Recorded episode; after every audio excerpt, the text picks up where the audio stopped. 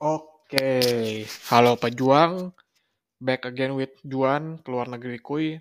Dan hari ini aku bakal uh, ngobrol lagi sama kalian setelah sekian lama dari November ya terakhir kali upload podcast dan hari ini aku mutusin buat ngomong gue lu sama kalian. Kayaknya kasar banget ya bridgingnya, tapi ya gue lebih ngerasa akrab sama lu pada tuh lewat kata gue lu sih jadinya. Ya udahlah pakai gue lu aja. Lagi gue juga kalau ngobrol sama teman-teman di sekitar gue pas lagi main basket orang-orang di bawah gue tuh juga banyaknya pakai lu gue gitu. Hai hai pejuang. Selamat datang di keluar negeri kui podcast episode ke 13 Nah, di episode kali ini gue pengen ngomongin satu topik yang cukup menarik seputar keluar negeri dan sekaligus fakta menyakitkan, yaitu keluar negeri itu nggak bikin lu bisa bi bahasa mereka gitu. Kayak contohnya keluar negeri itu nggak bisa bikin lu bisa bahasa Inggris. Dengan artian, lu mungkin bisa bahasa Inggris sekedar aja, tapi lu nggak bakal bisa nyamain bahasa Inggris orang lokal. Ngerti kan maksudnya? Jadi, sorry tuh saya kalau emang lu nggak kerja keras banget atau lu nggak Eh, nggak ada kegigihan di awal ya lu nggak akan bisa bahasa Inggris gitu. Kalau misalkan lu mau ke negara kayak Amerika atau UK gitu. Which is lu mungkin bisa ngomong untuk survive, tapi lu nggak bisa ngobrol sama orang sana. Nyakitin banget kan faktanya. Tapi gue pengen ngejelasin apa yang ada di baliknya yang bisa bikin lu kayak gitu gitu. Yang pertama, emang ada tipikal yang kerja keras banget. Tapi kalau misalkan lu dibilang, ayo kamu kerja keras, pasti kan orang nangkapnya beda-beda. Nah, ada satu orang yang kerja keras saja, ada satu orang yang kerja keras plus kerja cerdas.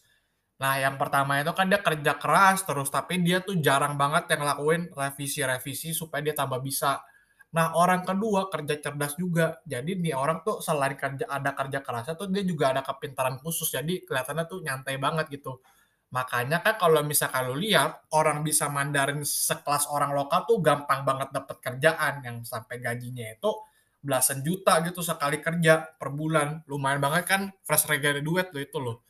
Makanya ya buat orang tua yang bilang uh, lu kok kenapa nggak bisa bahasa Mandarin? Ya karena emang pertama nggak segampang itu. Kedua ya kita mesti cari cara pintar gitu. Jadi uh, cara kerja keras aja tuh nggak benar-benar nggak cukup gitu kan.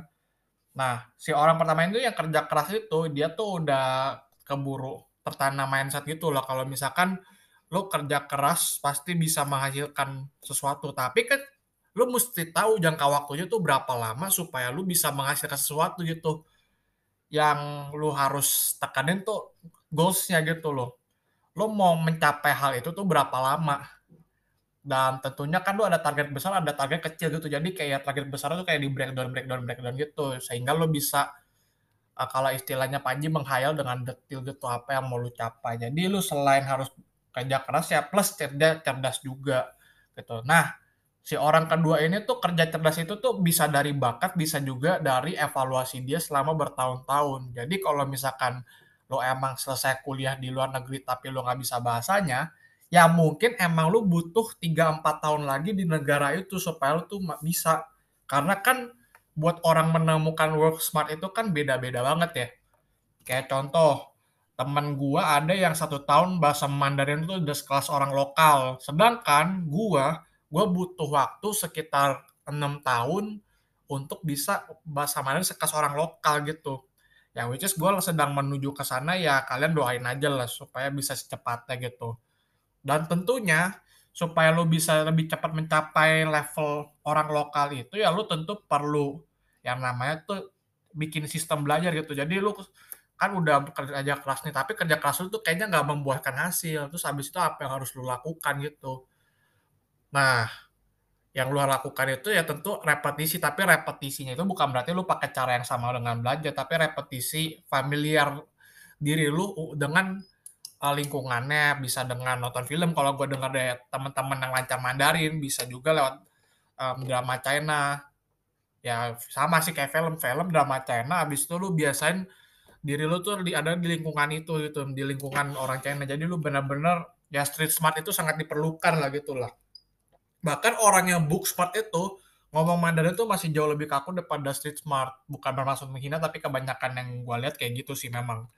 Yang di mana dia kalau disuruh tulis pintar tapi kalau disuruh ngomong bingung mau ngomong apa dan itu banyak banget terjadi dan itu bukan hal bodoh juga sebenarnya sih tapi emang ilmu kayak gini tuh banyak orang nggak tahu aja gitu makanya setelah gue ngamatin sana sini ya tentu supaya lu bisa ngomong mana sekelas orang lokal ya ada yang butuh kerja ilegal dulu ada yang butuh uh, apa tuh namanya nekat ambil kelas tambahan atau lu bener-bener menyatu sama orang lokal gimana caranya lah. Ya di mana lu harus benar-benar niat gitu belajar harus benar-benar self curiosity yang di mana tuh penasaran itu emang lebih baik daripada pinter secara akademik. Karena pinter secara akademik tanpa lu mengandalkan ilmu jalanan ya percuma juga gitu loh. Ilmu jalanan itu tuh yang masuk work smart gitu. Dan kenapa dari tadi gue ngulang work smart work smart terus ya? Karena supaya lu ingat gitu loh. Kalau misalkan lu kalau butuh sesuatu harus book smart juga. Lu mesti dari kerja keras lu tuh evaluasi terus apa sih yang harus gue tingkatin supaya gue bisa dapat hasil yang lebih cepat dengan waktu yang lebih cepat juga. Dan itu butuh waktu ya konsistensi juga sih kayak lu mau bikin habit nih ya. Kan habit menghasilkan konsistensi ya lu mesti ya cari partner kayak atau lu komitmen tulis jurnal biar lu ke track gitu apa yang mau lu lakukan. Jadi lu bener-bener komitmen sama apa yang lu targetkan goalnya. Jadi dari komitmen yang lu lakukan tiap hari bahkan menghasilkan goals gitu. Itu yang gue tangkap dari mentor-mentor gue juga Bang Umar salah satunya terus habis itu ada Wildan juga tentu juga ada teman gue yang benar-benar bisa Mandarin secara orang lokal gitu jadi gue ambil intisari dari mereka-mereka dan gue gabungin di sini dan mudah-mudahan kita bisa mencapai target kita berbahasa di waktu yang tepat itu dan lebih efektif juga belajarnya. Tentunya harus menyenangkan karena kalau nggak menyenangkan lu nggak bakal bisa, percayalah. Gitu. Oke, itu aja dari gua untuk podcast hari ini dan semoga lu bisa mendapatkan intisari dari podcast ini yang bisa lu ambil itu. Oke, see you on the next podcast dan bye-bye.